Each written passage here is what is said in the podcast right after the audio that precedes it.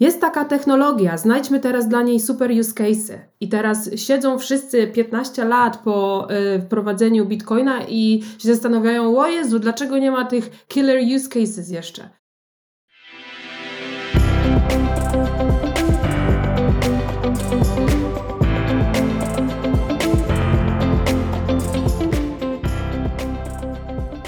Cześć, witajcie w kolejnym odcinku podcastu Podróż po Web3. Naszym dzisiejszym gościem jest Agata Slater, liderka działu blockchain w IBM, e, a także wiceprezeska e, Stowarzyszenia Blockchain Polska. Cześć Agata, bardzo fajnie, że do nas dołączyłaś. Cześć, jeszcze tylko sprostuję, że jestem liderką działu blockchain na obszar Europy Środkowej i Wschodniej, bo trzeba to rozgraniczyć. Dobrze, do, doprecyzowaliśmy sobie. Jeszcze zanim przejdziemy do tego, mm, do, do przepytywania cię na tą okoliczność, chciałem powiedzieć Łukaszu, postarzałeś się od ostatniego odcinka, tak dawno był nagrywany. Nieprawda. W internecie to tak nie wygląda. Jak wino. Dobrze, to nasi słuchacze mogą sobie porównać, jak wygląda ostatni odcinek, jak wygląda ten. Ale dobrze. Y, Agata, jeszcze raz dzięki wielkie, że do nas dołączyłaś. Powiedz nam troszeczkę więcej o tym, co robi IBM z blockchainem, poza tym, że robi, o czym my wiemy, Hyperledgera, ale coś mnie, co, dochodzą mnie słuchy, że już nie tylko Hyperledger, ale też inne, inne rzeczy IBM dopuszcza. Mhm. Ja myślę, że większość tego odcinka będziemy sprostowywać e, szereg mitów i informacji odnośnie tego, co robi albo czego nie robi IBM. E, ale zacznijmy od początku. Pierwsza, chyba najważniejsza informacja jest taka, że wszystkie opinie, które ja wyrażę w ramach tej rozmowy są moje i tylko i wyłącznie moje. E, ja nie reprezentuję oficjalnego stanowiska firmy, mm, no ale oczywiście mam e, jakiś pogląd na temat tego, co robi IBM. A to mm. też nie będzie żadna porada inwestycyjna i proszę się skonsultować z lekarzem lub farmaceutą. Ale dobrze, nie, to jest potrzebne. Nie umiem tak szybko mówić dalej. tego, jak tam w, w, w tych nagraniach, ale to też było. Oni też nie, oni też nie. no więc IBM jest zaangażowany w pracę nad technologią blockchain od bardzo długiego czasu, y, myśląc o tym czasie, w którym w ogóle y, blockchain się rozwija jako technologia. E, praktyka w Polsce, to praktyka, nazywamy to właśnie w, w, w IBM-ie praktyką, to jest takie lingo e, korporacyjne. E, w każdym razie ten dział blockchain istnieje w Polsce od 2016 roku, a więc jest to no już, już, już trochę czasu. I IBM przede wszystkim zajmuje się budowaniem rozwiązań opartych o technologię blockchain dla klientów korporacyjnych. E, czyli mówimy tutaj o firmach e, z Fortune 500, o dużych korporacjach, ale nie tylko, o mniejszych korporacjach też, przedsiębiorstwach. E, też pracujemy ze startupami, natomiast chodzi o to, żeby budować realne rozwiązania oparte na technologii blockchain, cyfryzować za pomocą technologii blockchain.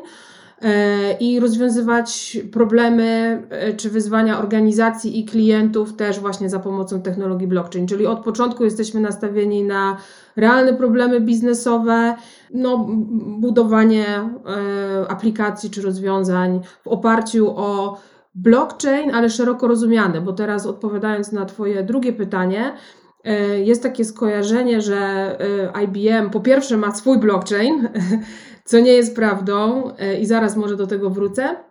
A dwa, że e, większość projektów, które buduje IBM e, wokół technologii blockchain, to są właśnie rozwiązania oparte na technologii, która się nazywa Hyperledger Fabric i służy ona przede wszystkim do budowania prywatnych sieci blockchain, czyli może to być w ramach jakiegoś konsorcjum czy zbioru partnerów biznesowych, którzy wchodzą we współpracę po to, żeby zbudować prywatną, wewnętrzną sieć blockchain tylko na swój własny użytek, która jest kontrolowana przez te organizacje i w której informacja jest współdzielona właśnie w ramach partnerów, e, tej grupy partnerów biznesowych. Teraz tak, e, faktycznie IBM e, przez długie lata inwestował w Hyperledger w, w technologię wokół Hyperledgera. To są e, technologie open source'owe. Hyperledger to jest w ogóle fundacja, która się wywodzi z, e, z fundacji e, Linuxa. To jest fun, fundament w ogóle, mm, na którym powstał e, stack technologiczny Hyperledgera. Y, I IBM inwestuje, czy inwestował w technologię, jedną z tych technologii y, o nazwie Hyperledger Fabric, y, właśnie wykorzystywanej do budowania tych sieci prywatnych. Natomiast nie ma w IBM-ie własnej sieci blockchain. Hyperledger Fabric był osadzony, czyli no jest osadzony, bo to jeszcze się dzieje, jest osadzony w, w mm, chmurę IBM-ową mm, i jeszcze e, parę innych technologii mm, e, IBM-owych i nazwano to e, IBM Blockchain Platform. I to jest jakby zestaw narzędzi potrzebnych do budowania takich prywatnych sieci blockchain, natomiast to nie jest blockchain IBM-owy. To trzeba sprostować. E, natomiast mm, ten dział blockchainowy, czy wszystkie osoby, które się zajmują blockchainem z ramienia IBM, są przypisane do większego działu o nazwie IBM Consulting. I teraz naszym zadaniem nie jest wykorzystywanie technologii IBM-owych, jakichkolwiek e, po to, żeby jakby wstrzykiwać je naszym klientom. Naszym zadaniem jest e, wspólnie z naszymi klientami budować rozwiązania właśnie dla tych problemów, e, z którymi borykają się organizacje czy klienci. Czyli to jest taki klasyczny konsulting. I teraz my, jako konsultanci zajmujący się blockchainem, dobieramy technologie, które najlepiej pasują do rozwiązania tych problemów biznesowych. Jeżeli e, faktycznie use case jest taki, gdzie potrzeba tej kontroli, potrzeba prywatnej sieci blockchain, wtedy sięgamy po narzędzia właśnie, które e, gwarantują tę kontrolę, gwarantują tę prywatność. Natomiast jeżeli use case jest e, taki, gdzie lepiej sprawdzą się rozwiązania oparte na otwartych sieciach blockchain, i potrzeba większej decentralizacji, tam stosujemy te narzędzia. Także jesteśmy agnostyczni, jeśli chodzi o dobór technologii i to jest chyba najważniejszy mit, który trzeba rozwiać, bo jednak cały czas gdzieś IBM jest kojarzony z tym, że e, buduje rozwiązania tylko właśnie oparte o prywatną sieć blockchain i jest powiązany z Hyperledgerem. Okej, okay, ale to też y, tak sobie o tym myślę, że takie rozumienie um, ogółu powiedzmy społeczności, jak, jak, jakkolwiek by to nie formułować, jednak z czegoś wynika i um, jest jakiś powód, dla którego to było tak odbierane, że to jest IBM-owy. No wiadomo, mhm. że jak tam się pokopie głębiej, no to jest, mm, jest ta historia z fundacją Linuxa i tak dalej. Mhm. Ale to się jednak wydawało bardzo długo, że to jest po prostu IBM-owy no, framework. No bo jeżeli mamy ten core, e, który jest e, rozwijany i obudowany narzędziami IBM-a, to trochę jest takie, wiesz, centrum wolnego miasta obudowane murem IBM-owych tuli, nie? To tak, e, mimo wszystko to tak z ulicy chyba byłoby, nie, mo nie można byłoby sobie tego postawić mm, sobie samemu budując mm, to w oparciu o wasze rozwiązania, nie? Cokolwiek by to nie było. E, to znaczy, mm, tak i nie. Można sięgnąć po cały zestaw narzędzi właśnie pod nazwą IBM Blockchain Platform, który jest przystosowany do tego, żeby te e, sieci prywatne budować, a można e, wykorzystać tylko Hyperledger Fabric, sięgnąć po zupełnie inną chmurę, po zupełnie inne narzędzia i też sobie zbudować podobny framework. Natomiast chyba ta, to powiązanie IBM-a y, z Hyperledgerem y, i IBM Blockchain Platform ogólnie wyszło z tego, że no niejako mm, IBM inwestując w rozwój Hyperledger Fabric, y, wytworzył sobie bardzo silne kompetencje w tym obszarze i większość konsultantów czy to biznesowych, czy to technologicznych, architektów, deweloperów w obszarze blockchain najsilniej, najmocniej utożsamia się z Hyperledgerem, bo ma w tym obszarze największe kompetencje. Natomiast teraz myślę o, o, ostatnim roku i parę lat wstecz. w związku z, trendami rynkowymi, nazwijmy to szeroko rozumianymi Web3, myślę, że zaraz przejdziemy do tego, co to w zasadzie znaczy. E, IBM no też e, rozwija się w, e, w innych technologiach blockchainowych i które trzeba, według mnie osobiście, trzeba posiąść, e, żeby być konkurencyjnym na tym, na tym rynku i żeby faktycznie budować rozwiązania, które w to Web3 się spisują, wpisują, bo ja znowuż uważam, że e, Hyperledger i prywatne sieci blockchain nie są w stanie przykryć e, potrzeb i wartości, może nazwijmy to, którymi charakteryzuje się ta fala Web3, po której teraz mhm. jedziemy. A, a, a mówisz, że y, żeby być konkurencyjnym na rynku, na rynku konsultantów, czy y, od strony klienta, żeby klienci byli konkurencyjni? Bo to niekoniecznie jest jakby jedno, mhm. Mm, to samo, nie? Myślę bardziej o rynku e, konsultantów, mm, firm, które wdrażają rozwiązania blockchain. Mm, z punktu widzenia klienta jest to no, może troszeczkę bardziej skomplikowane, bo mm, na pierwszy, jakby w pierwszych rozmowach z tym klientem, w ogóle mało który klient jest przygotowany do tego, żeby rozmawiać otwarcie o wyborze sieci blockchain. Jest to naprawdę wtórna rzecz. Najpierw yy, liczy się rozpoznanie problemu biznesowego, zbudowanie use case'ów, a później, jak już mamy całą warstwę biznesową rozpracowaną, to jest klasyczny konsulting. Nieważne, czy pracujemy tutaj z blockchainem, z AI-em, z innym stakiem technologicznym. Jeżeli mamy już tą warstwę biznesową rozpracowaną, wtedy zastanawiamy się my jako IBM, ok, jaka tutaj technologia czy zestaw technologii związanych z blockchainem będzie e, najlepiej pasować i klient ufa nam, że ten dobór technologii będzie optymalny. Rzadko kiedy spotykamy się z sytuacją, gdzie y, następuje burzliwa dyskusja z klientem, czy mamy pracować na Ethereum, na Hyperledgerze, czy y, jeszcze na jakiejś innej technologii.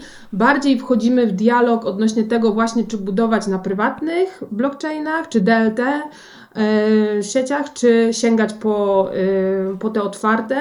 I tu jest dosyć mocno mm, ta, ta dyskusja potrafi być burzliwa, dlatego że wiele korporacji nie jest jeszcze przygotowany do tego, żeby sięgać po powiedzmy szerszą decentralizację i, i, sieci publiczne. Wynika to z różnych wyzwań ze strony, po, po stronie regulacyjnej, Wewnętrzni prawnicy nie są gotowi e, przede wszystkim. ryzyka. Tak, prawnicy, ale też, no wiecie, to polega na tym, że ktoś po prostu musi e, zarządzać tym ryzykiem po stronie y, produktów, które wychodzą na rynek. I jeżeli teraz coś pójdzie nie tak, to y, taki, taka wielka firma, ona ma naprawdę bardzo dużo do stracenia i to nie są kwestie takie, że yy, związane z ideologią, bo często też słyszę takie głosy, że co to za blockchain w ogóle, jak blockchain prywatny to nie blockchain i racja, zgadzam się, natomiast nie o to tutaj chodzi. Chodzi naprawdę o to, żeby zminimalizować to ryzyko po stronie korporacji i żeby te rozwiązania oparte na decentralizacji, nawet to może być minimalna decentralizacja, ale żeby je wdrażać w bezpieczny sposób i po nitce do kłębka jak przechodzić e, do tych powiedzmy bardziej zdecentralizowanych e, use case'ów. Przepraszam tylko, y, bo powiedziałaś Agata o sieciach DLT. Mhm. Jakbyś mogła dla słuchaczy powiedzieć, czym są sieci DLT, bo to nie jest fraza, która się często pojawia w naszych rozmowach. Mhm. E, mam na myśli tutaj Distributed Ledger Technologies. To jest taki skrót, akronim, i przez to ja rozumiem sieci, które są rozproszone, mm, niekoniecznie zdecentralizowane, czyli możemy sobie zbudować sieć, która, w której węzły są rozproszone na przykład w ramach jednej organizacji albo między różnymi organizacjami, ale te organizacje nie muszą być sobie y, nieznane, tam nie musi być anonimowości ani pseudonimowości. Wręcz przeciwnie, większe, tak jak, tak jak mówię, że w takim kontekście, którym to ryzyko jest ograniczone czy zmniejszone, korporacje lubią wiedzieć, one nawet muszą wiedzieć, co się dzieje z tymi danymi, kto ma w nie wgląd e, i, i mieć jakąś warstwę prywatności i kontroli nad tymi danymi. Przeskoczenie tego to jest bardzo duża to jest naprawdę skok w, w, w, w nieznane dla tych korporacji i, i tak jesteśmy w momencie na rynku, w tym momencie, gdzie y, coraz więcej y, firm, y, enterprise'ów nazwijmy to, otwiera się właśnie na ten krok. I to jest właśnie ten moment, w którym przechodzimy z z tego momentum e, sieci prywatnych i optymalizacji za pomocą blockchaina do budowania zupełnie nowych usług, zupełnie nowych rozwiązań za pomocą sieci otwartych w duchu Web3. Mhm. Ale to myślisz, że to wynika z faktu, że w tych organizacjach wytworzył się taki odpowiedni poziom zrozumienia, że to generuje jakąś wartość i te produkty, usługi, cokolwiek dostarczają te korporacje, mogą realnie na tym zyskać? Czy to ciągle jest w takim duchu raczej wszyscy krzyczą o tym Web3, teraz jest Bessa, no ale u nas to wszystko wolno trwa, więc do następnej hossy akurat będziemy się zastanawiać, e, ale musimy tam wtedy wejść, bo wszyscy w to wchodzą, więc pomacajmy się z tym tematem i zobaczmy, czy to w ogóle ma sens dla nas. Mhm. E, trochę tak i trochę nie. To znaczy trochę po trochu tego, po trochę tego. E, I e, z jednej strony jest bardzo duże zainteresowanie tematem Web3. Mm, coraz więcej firm uczy się o tym, co to w ogóle znaczy i co to, jak to się przekłada na wartość dla organizacji. Trochę jest też więcej zrozumienia o tym, co w ogóle niesie za sobą Web3 i co niesie za sobą blockchain, że to nie jest spekulacja i e, kryptowaluty, czy nie tylko kryptowaluty, ale że można na tym właśnie budować um, realne use cases z wartością dla użytkownika. A jeszcze inna strona medalu jest taka, że to zależy od tego, jaki E, jaką gałęź przemysłu reprezentuje dana firma i jak gotowa to, ta branża jest na innowacje, bo to jest też bardzo nie, nierówne. Są branże, które są bardziej otwarte, gdzie ta dynamika cyfryzacji ogólnie postępuje bardzo szybko i firma musi się przeobrazić, żeby w ogóle nadążać za tymi trendami, a są sektorów, których, które są bardziej konserwatywne. Mhm. A powiedz, y, bo powiedziałaś o tym, że jest to obarczone dużym ryzykiem i prawnicy wewnętrzni mają, mają co robić, to dodał Łukasz. Jakie są takie zagrożenia, jak ty na to, na to patrzysz, czy jak pracujesz z tymi firmami? Co jest podnoszone jako, jako takie zagrożenie? No bo czy takie realne zagrożenia, mhm. nie? Takie wydumane na zasadzie, że jakiś pan. Prawnik, tak, nie zrozumiał o co chodzi, więc powiedział, że to zagrożenie. No bo to jest naj, naj, najprostsza rzecz, którą można sobie yy, fortyfikować jakąkolwiek decyzję. To jest, to jest niebezpieczne, tylko dlaczego to jest niebezpieczne? Tak? Z jakich Przede wszystkim powodów? chodzi o brak kontroli nad tym, co się dzieje z danymi. Jeżeli one trafią do sieci publicznej, e, są tam zapisane, są tam zapisane na stałe, to taka korporacja nie ma już żadnego wpływu na to, na, na tym, co się dzieje z tymi danymi. Jeżeli taka sieć upadnie, nazwijmy to, coś się stanie, e, co wpłynie w ogóle na nie tylko na wydajność, ale nawet na istnienie danej aplikacji czy systemu, to kto wtedy ponosi odpowiedzialność? W świecie korporacyjnym to wszystko musi mieć, to wszystko musi być uregulowane, to wszystko musi być gdzieś zapisane. Winny musi być jakiś. Winny musi być, tak, ktoś musi po prostu ponosić odpowiedzialność za to i e, nie dość, że są, idą za tym konsekwencje wizerunkowe dla takiej firmy, już nie mówiąc o prawnych i finansowych, compliance'owych, także poczucie kontroli i w ogóle kontrola nad informacją to jest tutaj największe ryzyko moim zdaniem.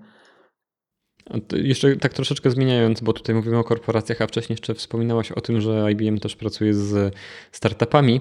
Mhm. Jak duży jest startup? Y, żeby IBM y, nazywał go startupem i, i, nim, i z nim jeszcze współpracować mógł. Y, wiesz co, mój zespół teraz pracuje z dwoma startupami. W jednym startupie... To jest ich więcej! Tak, jest ich więcej. W jednym startupie jest chyba 10 osób, w drugim niewiele więcej. Także to są, potrafią być małe projekty, natomiast tutaj y, IBM mm, jest. Są to dla nas projekty y, może troszeczkę bardziej ryzykowne, mm, dlatego że startupy często lubią się przytulać do IBM-a i trochę tak, jak to się mówi, na barana, tam wskakiwać i... O, ogrzać w blasku. tak, ogrzać w blasku. E, I oczekują wiele właśnie od współpracy z IBM-em, przede wszystkim dotarcia do klienta korporacyjnego, także my w, takich, e, w takiej współpracy musimy być bardzo asertywni, o co dba oczywiście nasz dział prawny, ale no, musimy tutaj mocno się tak odgradzać, bo, bo, bo, bo taka współpraca może być bardzo nierówna.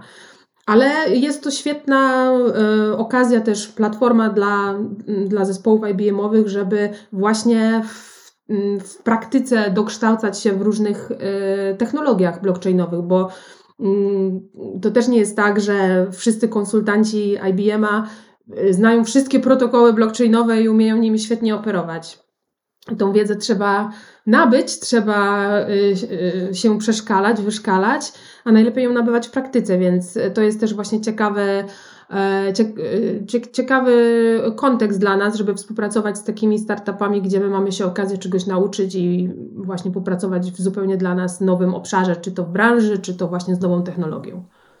A czy to y, nie jest troszkę tak, że ten IBM bierze te projekty startupowe po to, żeby hmm, udobruchać konsultantów i, i ludzi wewnątrz IBM-a, że robią cały czas jakieś smutne i takie basicowe projekty dla korporacji, Truda. które są y, tak, które są asertywne, że nie chcą za daleko pójść i po prostu to jest taki, wiesz, pole doświadczalne, żeby ktoś mógł sobie popróbować czegoś ciekawego i żeby nie, nie marudził za dużo, że cały czas robi te same rzeczy. No bo wyobrażam sobie, że tematy korporacyjne, no to one pi razy drzwi pewnie w swojej masie dążą do jakiegoś jednego kształtu, no bo taki jest standard rynkowy albo jakaś tam fala rynkowa, no nie?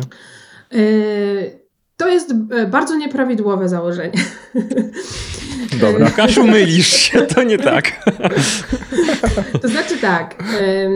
oczywiście jest jakby szkielet rozwiązań, które y, znowuż, które gdzieś y, są kojarzone z, e, z IBM-em, czyli e, wdrażanie tych sieci prywatnych pod to, żeby, nie wiem, e, gdzieś transparentnie y, pokazywać y, przebieg informacji w obszarze łańcuchów dostaw. To jest taki powiedzmy gdzieś e, hashtagowe, e, hashtagowy projekt e, IBM-a. Natomiast te korporacje są reprezentowane przez bardzo różne działy i teraz w zależności od tego, z jakim działem my współpracujemy, to się przekłada na innowacyjność bądź jej brak w tych projektach. Jeżeli współpracujemy z działem innowacji i teraz klient ma budżet na to, żeby e, sięgnąć po zupełnie nową technologię, zbudować zupełnie To nowy wtedy strzelają korki szampana w zespole twoim. Widzę, że tutaj jesteś mocno sceptycznie nastawiony. Masz, masz opinię na ten temat, ale to, to rozumiem. Żartuję sobie oczywiście. E, Tak.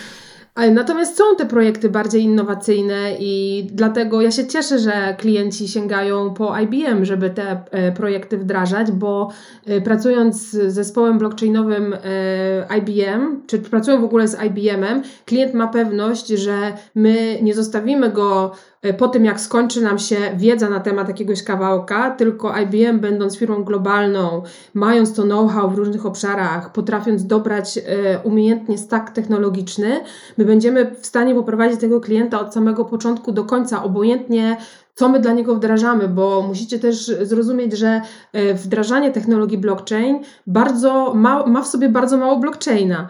Blockchain to jest malutki kawałeczek rozwiązań e, cyfrowych. My projektujemy razem z klientem rozwiązania dla właśnie tych problemów. E, Część z tych rozwiązań jest oparta o blockchain, część o zupełnie różne technologie. E, I to chodzi właśnie o to, żeby e, w sposób narzędzi cyfrowych i tworząc produkty cyfrowe, móc albo wzbogacić jakieś portfolio, ofertę tego klienta, albo rozwiązać jego problem wewnętrzny, albo jeszcze jakiś, jakąś wartość mu dać. Także To, to jest ogromna wartość właśnie współpracy z IBM-em, ten prze, przez, przekrój y, naszych umiejętności i, i różnych technologii, którymi się zajmujemy. A wiesz co, bo ja tak sobie trochę żartuję, bo my z Maćkiem mamy raczej taki O, mnie w to wciągasz jeszcze. Tak, bo żeby nie było mi smutno i samodzielnie. Od skali antykorporacyjnej do korporacyjnej jesteśmy na pewno trochę przesunięci w stronę antykorporacyjności, jeżeli już y, mielibyśmy się gdzieś pewnie plasować. Stąd też takie nasze, wiesz, y, trochę podśmiechujki z tych y, korporacyjnych jakichś tam standardów, które no pewnie w, w rzeczywistości nie są takie, jakie maluje rynek, który patrzy na to z boku, no nie? Ale jestem ciekawy, no bo to brzmi jak spore wyzwanie pod kątem utrzymania ludzi, no nie? No bo ludzi, którzy się zajmują blockchainem, na świecie jest mało. Mądrych ludzi, którzy zajmują się blockchainem, jest pewnie spektakularnie mało.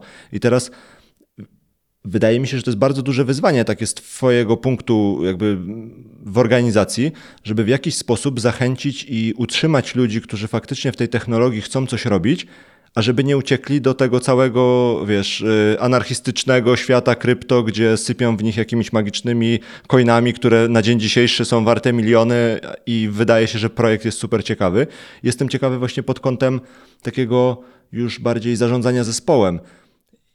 Jak ty sobie z tym radzisz, żeby po pierwsze przyciągać tych ludzi, a po drugie właśnie, żeby oni nie wypalili, znudzili, jak zwał, tak zwał się po na przykład y, pół roku, jak się okazuje, że to nie jest taka zabawa fajna jak w tym krypto, co tam koledzy pracują, że robimy, coś się wywali, mówimy przepraszam i robimy drugi raz i w To sumie nikt nikomu nic nie stoi. Tak, to the moon znowu i tatuaże z nowymi coinami. Mhm. E, Wiesz co, jest parę tutaj rzeczy. E, Pierwsza jest taka, że y, w ramach właśnie IBM-a my pracujemy z realnym biznesem. I teraz, jeżeli jesteś osobą, która y, chce budować coś, co wyjdzie na rynek, co będzie miało użytkowników, nasz klient to jest przede wszystkim klient B2B, także tutaj też nie oczekujmy, że my będziemy robić aplikacje wiesz, zdecentralizowane aplikacje y, dla miliona użytkowników czy, czy wallety. Natomiast y, jeżeli faktycznie y, Twoje so- zainteresowania oscylują wokół budowania czegoś realnego, współpracy z realnym biznesem, to, to to jest dla praca dla takich ludzi, to raz. I to, tak jak mówisz, to niekoniecznie zawsze będą e, super fajne projekty, e, gdzie mm, wiesz, na skraju innowacji, e, e, gdzie jest obieg kryptowalut i tak dalej. W ogóle moje psy szczekają, to nie wiem, czy to będzie U, słychać. my udajemy, że nie słyszymy. Okej. Em, Nie wiemy nawet, co to są psy. Okej. Em, e, To raz. A dwa, że kluczem jest też właśnie zróżnicowanie tych projektów. Także to są może dwie takie trochę przeciwstawne sobie rzeczy, ale one muszą się gdzieś spotkać. E, Bo rynek blockchaina i w ogóle cała branża innowacji, bo ja nie chcę tylko się sprowadzać do blockchaina, e, rozwija się bardzo, bardzo prężnie i e, jeżeli my nie będziemy właśnie nadążać jako IBM też za tymi trendami, a nadążamy, no to, to pewnie gdzieś się pojawi znudzenie i no taki trochę przesyt tymi projektami, które robimy. Także y, to jedna rzecz, ale chciałabym jeszcze wrócić właśnie do, do tej korporacyjności, bo zaczęłam o tym mówić po, po, w odpowiedzi na poprzednie pytanie, że to, że klient nazywa siebie korporacją, to nie znaczy, że e, on nie ma w sobie ducha startupowego. Tak jak mówię, że wiele firm ma wydzielone w ogóle w działy, które, których zadaniem jest sięganie po nowe technologie, nowe narzędzia. Fakt, że część z tych projektów po- potem trafia na półkę, bo po prostu ktoś musi odhaczyć, że zrobił coś innowacyjnego, ale część e, idzie dalej i faktycznie ma większą szansę wejścia na rynek niż czasami przy startupach. I z drugiej strony, pracując ze startupami, też to nie znaczy, bo ja, ja, ja rozumiem tutaj trochę te, e, te, te mm, śmieszki, heheszki z korporacji, natomiast e, jak, jeżeli spojrzysz sobie na, na pracę z, z projektami e, blockchainowymi, wskaż e, pięć projektów, które osiągnęły sukces, polskich jeszcze, za- zawęźmy to, które, blockchainowych, które osiągnęły sukces, albo przynajmniej które doszły do trzeciej rundy finansowania. To też nie są projekty, wiesz, które się prężnie rozwijają, są super i możemy mówić, że osiągnęły sukces. Także różne strony medalu. Ja pamiętam też e, wasz odcinek, słuchajcie, po e, konferencji, którą zorganizowaliśmy w Poznaniu w ramach Stowarzyszenia Blockchain Polska i chyba o. byliście nawet na tej konferencji. Ja byłem. No. Delegat na, O, na Poznań o, był. O, o, teraz mo, możemy się skonfrontować. Dobra. E, Bo y, to był właśnie. Łukasz już jest czerwony. Dla naszych słuchaczy, co nie oglądają. Łukasz To jest ten moment, kiedy jesteś kozakiem w internecie i cię Pomidor? znajdują, tak? Jędrzej, nie wycinaj tego, jest słabo słychać. To był, słuchajcie, właśnie taki e, event e, dla e, ludzi ze świata korporacji. Nie po to, żeby pokazać im, nie wiem, jakieś crazy projekty, czy coś, co nigdy nie będzie miało miejsca, ani nie, nie, nie zadzieje się w tych korporacjach, tylko żeby im pokazać właśnie, że to jest możliwe, że możemy sięgnąć w bezpieczny sposób po innowacje, że te projekty się dzieją i może one nie są jakieś e, wywrotowe, ale y, da się i tak jak mówię po nitce do kłębka, że to jest bardziej ewolucja, a nie rewolucja. I wy tam się śmialiście z tego, że wszyscy byli w garniturach, co jest nieprawdą. No Łukasz nie był. Y, ale naprawdę dla, dla niektórych korporacji to jest, to jest naprawdę duży przeskok właśnie w to, że można coś zdecentralizować. E, to jest co, zupełnie to... jakby zmiana paradygmatu patrzenia na, na to, jak się operuje danymi, e, gdzie w jednym, w, powiedzmy, w jednym kontekście masz te dane zbierane, centralizowane, a tutaj ktoś ci mówi o technologii, gdzie te dane możesz w ogóle wypchnąć, e, decentralizować i nie mieć nad nimi kontroli. To jest w ogóle, wiecie. Nie, wiesz to, ale tak jak ty o tym mówisz, to to to jest spoko, w sensie ja to kupuję i jakby rozumiem też ten taki element, w którym ten biznes musi się turlać i on musi funkcjonować, nie, nie może tam ktoś przyjść i powiedzieć, dobra, teraz zawracamy i jedziemy na wstecznym i zobaczymy, co się wydarzy. Ty powinnaś tam problem... mówić. Właśnie, prostu. tylko problem był taki, że część z tych ludzi, którzy tam była, to poza tym, że mieli garnitury, co było powiedzmy tam najmniejszym problemem, to opowiadała o takim najbardziej basicowym użyciu budują, to, to był taki, wiesz, taki, taki typowy y, status signaling, to nie? Mhm. My robimy blockchain. Blockchain jest wspaniały. Mhm. Chcecie wiedzieć, czym jest blockchain? Blockchain to jest taka rzecz, że puh, nawet nie wiecie, jaki on jest dobry, no nie? I wiesz, to było wszystko mhm. tak nadmuchane, tak, z takim patosem, niektóre te rzeczy, to było wiesz, takie najbardziej y, hyperledger z pudełka rozpakowany i wrzucony gdzieś tam i to jest ale my tośmy tyle to robili, ojejku, to w ogóle y, tyle godzin na to poszło i tak dalej. I, wydaje mi się, że z tym jest problem, że to jest znowu ta taka y, ciemna, albo wręcz może nie ciemna, co taka no taka fałszywa strona tych, y, tych takich projektów korporacyjnych, że tam ci ludzie, którzy robią te projekty, oni muszą nadmuchać swój sukces pod kątem takich wewnętrznych, politycznych działań, mm. no nie? Że oni potem idą na taką konferencję nie dlatego, żeby się podzielić i pokazać innym, no tak jak na przykład robi wasze stowarzyszenie, no nie? Że słuchajcie, jest taka technologia, ona się nie nadaje do wszystkiego. Ona się nadaje do takiego wycinku rzeczy, ale jeżeli macie taki wycinek rzeczy w swojej organizacji albo w swoim jakimś tam biznesie, to spróbujcie się zastanowić, czy to nie jest dla was idealny mecz pod kątem wyboru technologii. A w takich korporacji, wiesz, przychodzi ktoś i mówi, ja to jestem teraz tutaj takim magikiem od blockchaina, ja wam namag namaguję tutaj teraz, no nie? I dajcie mi jakiś ładny tytuł i dużo podwyżki, bo ja jestem teraz tutaj takim najbardziej eksperckim z ekspertów. Mm -hmm. no I bardziej z tego sobie robimy podśmiechujki, bo jak są te historie, o których ty opowiadasz, no to, to, to brzmi jak najbardziej standardowy biznes, który po prostu maca się z nową technologią, że tak brzydko się tak, wyrażę, no nie? dokładnie tak. Że, że on no jakby musi sobie znaleźć po prostu gdzieś to dopasowanie, to co już istnieje, zobaczyć, czy da się gdziekolwiek wykorzystać, no bo nikt przy zdrowych zmysłach w firmie z Fortune 500 nie rzuci się na główkę po to, żeby tylko ideologicznie zrobić blockchaina, bo pan prezes się zakochał. Dokładnie tak. W punkt jest Twoja wypowiedź. E, I ja myślę, że to podejście, które zaobserwowałeś, jest podejściem całej branży, niestety. Obojętnie, czy to są enterprise, czy startupy, czy VC. Zaczynamy od złej strony. Zaczynamy od strony technologii. Jest taka technologia, znajdźmy teraz dla niej super use case. I teraz siedzą wszyscy 15 lat po y, wprowadzeniu bitcoina i się zastanawiają, o Jezu, dlaczego nie ma tych killer use cases jeszcze? E, I, I to jest właśnie błędne podejście. Dlatego, tak jak e, o, zaczęłam opowiadać o tym, co my robimy jako konsultanci w ogóle z ramienia IBM, technologia tam jest wtórna. My się musimy gdzieś przypasować, że dobra, my, ci tutaj są specjalistami od blockchaina, ci od AI, ale w gruncie rzeczy my robimy taką klasyczną pracę mm, konsultingową, czyli najpierw badamy, czego potrzeba te, temu klientowi, yy, czy to y, rozpoznajemy problemy sektora, czy organizacji, problemy biznesowe i staramy się pod to zbudować jakieś rozwiązania, dobierając odpowiednie narzędzia technologiczne. I tylko tędy jest, to jest właściwy kierunek. Ale oczywiście jest tyle hypu na blockchain, na Web3, że najpierw się właśnie myśli od strony technologii, a później o use case. I dlatego te use cases są takie, jakie są. Hmm. Ale właśnie a propos tego, co powiedziałaś, to, to było pytanie, które wcześniej mi uciekło. Jak do Was trafiają projekty? Czy to jest tak, że przychodzą do Was projekty na przykład w jakiejś dużej, nie wiem, powiedzmy ubezpieczalni i oni wiedzą, że chcą właśnie ten blockchain i szukają kogoś, kto im powie, czy ten blockchain jest spoko i wtedy taki lead ze strony IBM-a, chociaż zakładam, że to nie działa w taki sposób, że ktoś wypełnia formularz na stronie IBM, ale że po prostu wpada do Ciebie i Ty idziesz gadać z tym klientem i wtedy się zastanawiacie. Czy to jest tak, że przychodzi klient i mówi, słuchajcie, my potrzebujemy partnera do wdrożenia jakiejś tam innowacji, i wtedy ktoś u was robi ten taki pierwszy przesiew i się zastanawia, czy to będzie y, blockchain, AI, czy jakiś inny y, obecnie modny trend i wtedy ten dział dostaje. To Mhm. jak to do was wpada? Chciałabym, żeby było tak jak mówisz, w tym, tym, tą, tą drugą stroną, natomiast y, często tak nie jest y, i wynika to z dwóch powodów.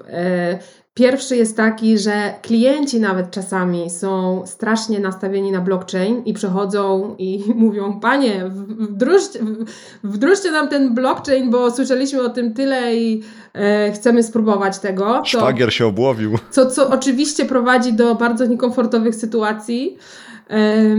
Natomiast tam e, z, z takich sytuacji e, wyszliśmy już w bardzo fajny sposób właśnie do w ogóle szeroko pojętej innowacji, czyli dobra, wyszliśmy od blockchaina, ale e, jeden kawałek powiedzmy tylko przeznaczyliśmy na blockchain, a resztę e, reszta poszła właśnie takim trybem e, identyfikacji problemu i ścieżki konsultingowej. Mm, A druga, y, y, druga kwestia jest taka, że też oczywiście nie wszyscy konsultanci i pracownicy IBM wiedzą, co to jest blockchain i jak rozpoznawać w ogóle dobre use cases pod blockchain. Także tej wiedzy jeszcze nie ma na tyle, żeby, y, żeby mm, takie przeczesywanie tych use case'ów odbywało się naturalnie. Więc zazwyczaj jest to tak, że właśnie albo przy okazji rozmowy z klientem o roz- rozwiązaniach innowacyjnych pod inne technologie e, okazuje się, że jest jakiś kawałek, który ktoś zidentyfikuje jako optymalny pod technologię blockchain i później my to weryfikujemy. Albo klient właśnie już sam sobie zidentyfikował tą potrzebę i chce rozpoznać blockchain.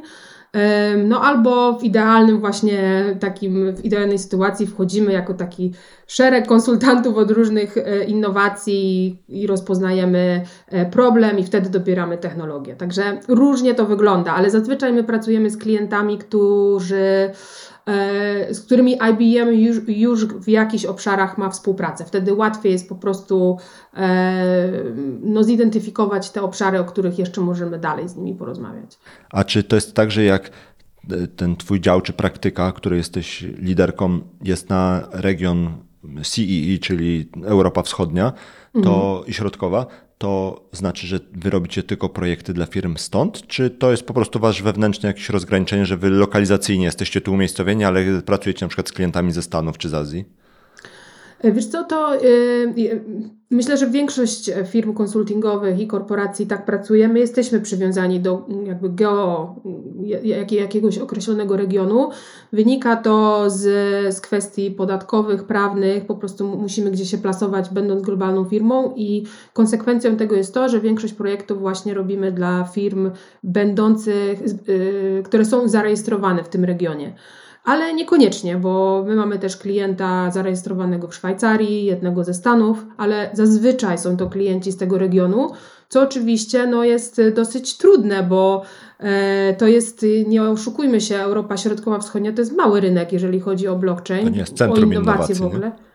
Tak, to jest, my jesteśmy cały czas regionem, w którym e, wykonuje się projekty y, dla w, w, w firm, które, znaczy dla pomysłów, które wymyślił ktoś inny. I cały czas, no niestety tak jest, e, więc ten rynek jest mały, więc no, jest, to, jest to dosyć trudny kawałek. E, Teraz mm, ta część, y, do której my jesteśmy przyklejeni, czyli Europa Środkowa i Wschodnia, powiększyła się o, żeby stworzyć taki większy region Europy Północnej, Środkowej i Wschodniej, czyli dostaliśmy jeszcze Skandynawię, Benelux, czyli w zasadzie pół Europy, no to je, tak, jest to, jest to już dosyć szerszy rynek. Mhm. Czyli był Benelux wcześniej, przed tymi yy, podziałami granic? Był, y, był osobnym regionem chyba, Aha, tak mi się Okej. wydaje. A wiesz co, bo, bo ja chciałem nawiązać do tej e, szerzenia wiedzy, bo powiedziałaś też o tym, że jakby wiadomo, że nie wszyscy wszystko wiedzą. Rozmawiałem kiedyś z takim znajomym, który pracuje w, e, jednym, w jednej z e, firm tej wielkiej czwórki, takiej księgowej, które te firmy też mają swoje działy, co robią kod. I on powiedział coś takiego, że konsultanci, którzy pracują z danym klientem, na przykład księgowi, oni mają taką rozpiskę chyba 200 czy 250 produktów, które oferuje ta dana, ta dana firma, i oni pracując na przykład nad budżetem klienta, y, są szkoleni, czy mają taką, no takie polecenie, powiedzmy, żeby mieć oczy i uszy szeroko otwarte, żeby komplementarne usługi dobierać. I zastanawiam się, jak IBM sobie radzi z taką, takim szerzeniem wiedzy, choćby co do produktów oferowanych przez firmę, która y, mała nie jest, nie? I tych produktów jest po prostu bardzo dużo. Czy technologii, czy produktów. Czy spotkałaś się z czymś takim u siebie wewnątrz, że mimo, że jesteś na przykład, nie wiem, deweloper to może nie ma takiego dostępu, ale powiedzmy project managerem y, od projektów w C-Sharpie na przykład, Mhm. No to jednak wiesz, y, jakie są inne produkty, które by pasowały na przykład ze strony blockchainu i odwrotnie. Dwie kwestie. Y, jedna jest taka, że trzeba znowuż rozgraniczyć. Ja wiem, że, że IBM jest ogromną firmą i trochę nie wiadomo, co my robimy. Wiadomo, że już nie robicie komputerów. Ale jeszcze robicie startupy. Ale tak, ale są jakby dwa główne człony tej firmy i y, jednym jest właśnie consulting, a drugim jest dział technologii. I dział technologii, e, tam są właśnie te wszystkie technologie IBM-owe, produkty, e, tam są licencje i tam jest osobny dział, który zajmuje się sprzedażą tych technologii. I teraz my, jako dział konsultingu, możemy, ale nie musimy sprzedawać technologii IBM. Ja już o tym na początku mówiłam, że naszym zadaniem jest e, dobór odpowiednich rozwiązań pod problemy klienta. Czyli my nie jesteśmy frontendem dla technologii e, IBM-owych. E, I to daje nam o wiele więcej możliwości, jeśli chodzi o współpracę z, z partnerami technologicznymi, z, z różnymi technologiami. To jest jedna rzecz. Także ja mam rozeznanie tego, co my oferujemy w danym obszarze jako, y, jako firma, jakie, jakie narzędzia, jakie aplikacje, jakie systemy, jakie platformy, ale nie muszę, nie muszę się tym kierować. Zresztą, jeżeli chodzi o blockchain, sam blockchain jako, nie wiem, layer one, no to IBM tutaj nie ma swoich własnych rozwiązań, jak już yy, mówiliśmy, więc y, jak najbardziej tutaj jest miejsce na Y, rozwiązania szer, szersze rynkowe. A, a, druga rzecz to jest, to jest fokus na, na branżę. My mamy konsultantów, którzy są specjalistami w danej branży, którzy jednocześnie roz, mają rozeznanie tego, co oferuje IBM, i to oni mają być właśnie tymi osobami, które wchodząc, rozumiejąc problemy danej branży, mogą wtedy e, ściągnąć e, osoby które mają ekspertyzę w danej, czy w jednej czy drugiej technologii, czy to jest blockchain, czy AI, czy, e, czy chmura i tak dalej. Spoko, dobrze. A, Agata, a ty wiesz, dlaczego IBM w ogóle wszedł w blockchaina? No bo to jest przed twoimi czasami, że tak powiem, mm -hmm. no mhm. nie? I, wiesz, dlaczego oni w tym 2016 myśleli? No bo to jest bardzo, bardzo wcześnie, jak na taką dużą organizację, no nie? Tak. Wiesz co, y, z tego co wiem, a może wiem źle, ale y, chodziło właśnie o stworzenie alternatywy dla tych publicznych sieci blockchain, których wtedy, no, które one się tworzyły, były owiane wielką spekulacją i przez to właśnie no, nie były odpowiednim rozwiązaniem dla y, korporacji, które już wtedy interesowały się blockchainem. Więc IBM poszedł po takie, taki złoty środek, którym miały być sieci prywatne, E, i zaczął budować kompetencje w tym obszarze. W tym czasie też nawiązała się współpraca z, z, z fundacją Hyperledger i, i tak e, jedno, od, od jednego do drugiego właśnie powstała ta platforma IBM Blockchain Platform. Także było to czysta odpowiedź na potrzeby klienta wtedy, przyniesienia mu czegoś w obszarze blockchain, z czego będzie mógł realnie korzystać. Okej. Okay. A jak ty trafiłaś do IBM? Bo w sumie tego nie poruszyliśmy. nie tej twojej ścieżki, że ty tam wpadłaś? Moja ścieżka jest dosyć burzliwa. E, ja w ogóle mam wykształcenie zupełnie niezwiązane z technologią. E, ja przez większą część życia chciałam pracować i pracowałam na uczelni jako naukowiec. E, natomiast w pewnym momencie stwierdziłam, że jednak świat akademicki nie jest dla mnie i to się też wiązało z pewnymi decyzjami życiowymi. Jak na przykład powrót do Polski po długiej nieobecności w Polsce i już będąc w tej Polsce jakoś nie mogłam też się odnaleźć. To był czas, gdzie ja zmieniałam karierę, zmieniałam miejsce do życia i nie mogłam znaleźć sobie w ogóle pracy, bo miałam takie niestandardowe CV i trafiłam do dużej firmy konsultingowej. E, w, pracowałam w takiej roli supportującej i pracowałam właśnie wtedy z, e, z partnerami, którzy zajmowali się cyfryzacją. W tym przypadku to był akurat sektor publiczny i, i któryś z nich mi podsunął kiedyś artykuł o blockchainie. To nie było nawet nic związane z krypto, tylko jakieś rozwiązania blockchainowe. To był rok 2015 chyba. I e, ja wtedy bardzo byłam, byłam bardzo zdziwiona, że w ogóle coś takiego jest, ale e, to był dla mnie taki. złap- Załapałam bakcyla, jak to się mówi. Bardzo się tym zainteresowałam i zaczęłam sama y, y, się edukować w tym obszarze, uczyć, rozmawiać z ludźmi.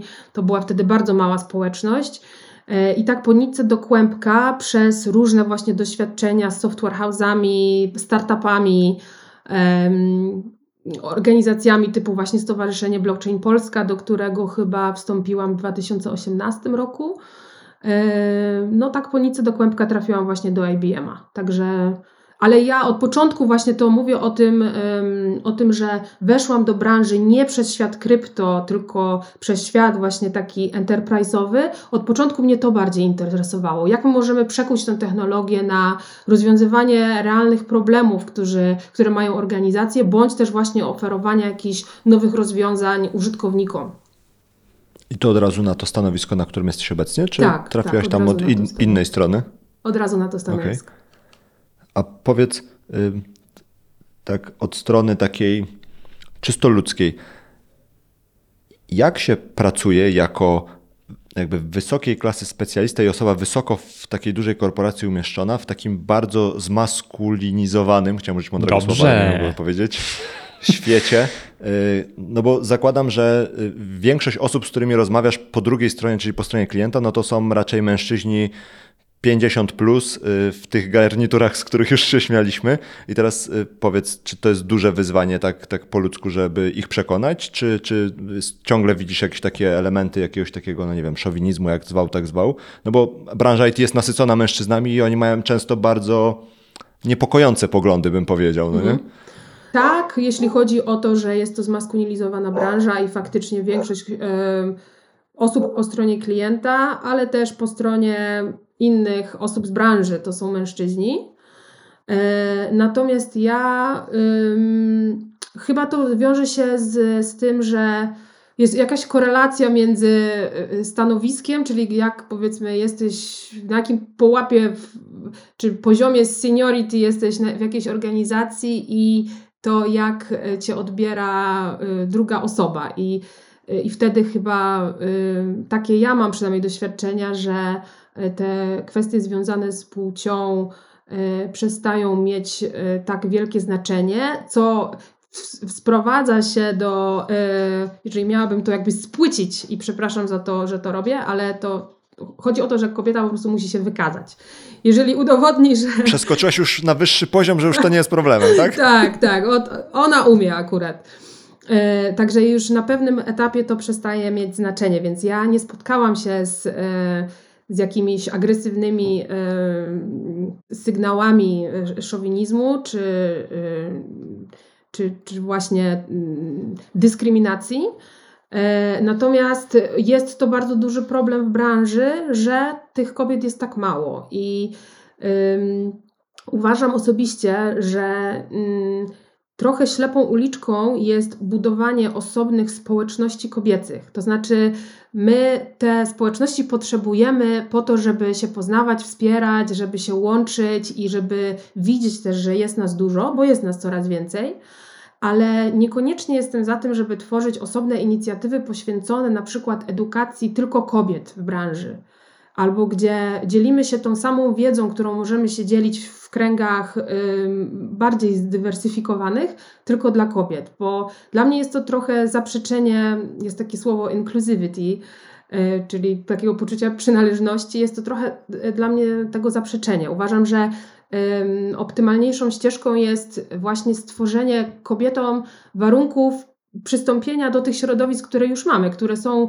e, mocno zmaskulinizowane i tam e, postarajmy się, żeby one były bardziej zróżnicowane, żeby tam e, ułatwiać właśnie wejście kobietom. Ja też, ja wiem, że parytety nie są popularne, ale ja akurat uważam, że to jest to jakaś droga, żeby w sposób taki bardzo sztuczny, ale jednak, żeby te ścieżki otwierać i żeby tej różnorodności było więcej. Uważam też, że kobiety jest bardzo dużo wsparcia e, w tym świecie kobiecym i że jak już jest się w tej branży, to kobiety bardzo sobie pomagają i, e, i są dla siebie wsparciem. I ja też chciałabym tutaj się otworzyć na, na wsparcie, jeżeli są jakieś koleżanki, które chciałyby w branżę wejść, czy się czegoś dowiedzieć, czy uzyskać takie wsparcie, to ja bardzo chętnie się zaangażuję. No super, wydaje mi się, że to jest bardzo fajna inicjatywa, bo nasz podcast też jest takim. Też jest zmaskulinizowany. Raz. Jest ultra jaskrawym przykładem. Jesteś drugim gościem, gościnią, bo jeszcze mm, Jedyną inną kobietą, która y, miała przyjemność z nami na, na antenie porozmawiać, to była Dorota z. To my mieliśmy przyjemność, Maćku. Czy mhm. Dorota miała przyjemność, to nie wiadomo. Czy Agata ma przyjemność, też nie wiadomo. to prawda. To jest taka figura retoryczna. Okay. No ja się, ja się bardzo dobrze bawię. Natomiast y, to, to, to, to najlepiej pokazuje, jak, jak, jak to wygląda. Tak? Na te 55 odcinków, które liczyłem ostatnio, no to dwie panie nas, 56, y, 56 z, z obecnym. Ale jeszcze odnośnie tych społeczności kobiecych, bo z tym parytetem to się właśnie łączy w ten sposób, że powstają te społeczności kobiece, z których nie jesteś fanką. Mi się to tak kojarzy trochę z sprzężeniem zwrotnym. To tutaj cały świat sobie działa tak, jak działa, a my tutaj robimy kobiecy krąg na przykład, tak, mhm. technologiczny. No i to jest taka hermetyzacja znowu, a jednocześnie ten parytet to jest w drugą stronę mm, pójście, czyli y, z rozdzielnika, nie? I no też, też z takimi głosami się spotkałem mm, właśnie ze środowiska IT, mm, oceniając y, jakby pomysł parytetu, że to może rykoszetem zadziałać na kobiety, w tym, w tym sensie, że to jakby to jest taki mega y, wygodny argument, podsuwany do tego, żeby dyskredytować kompetencje kobiet, które zapracowały w tym no, zmaskulinizowanym i trudnym tak, Łukasz się cieszy, że się potknąłem o kopytko w tym trudnym środowisku, własną pracą ciężką i, i, i, i, i pod górę, a tutaj przychodzi na przykład jakiś rzut osób, które są z rozdzielnika, tak?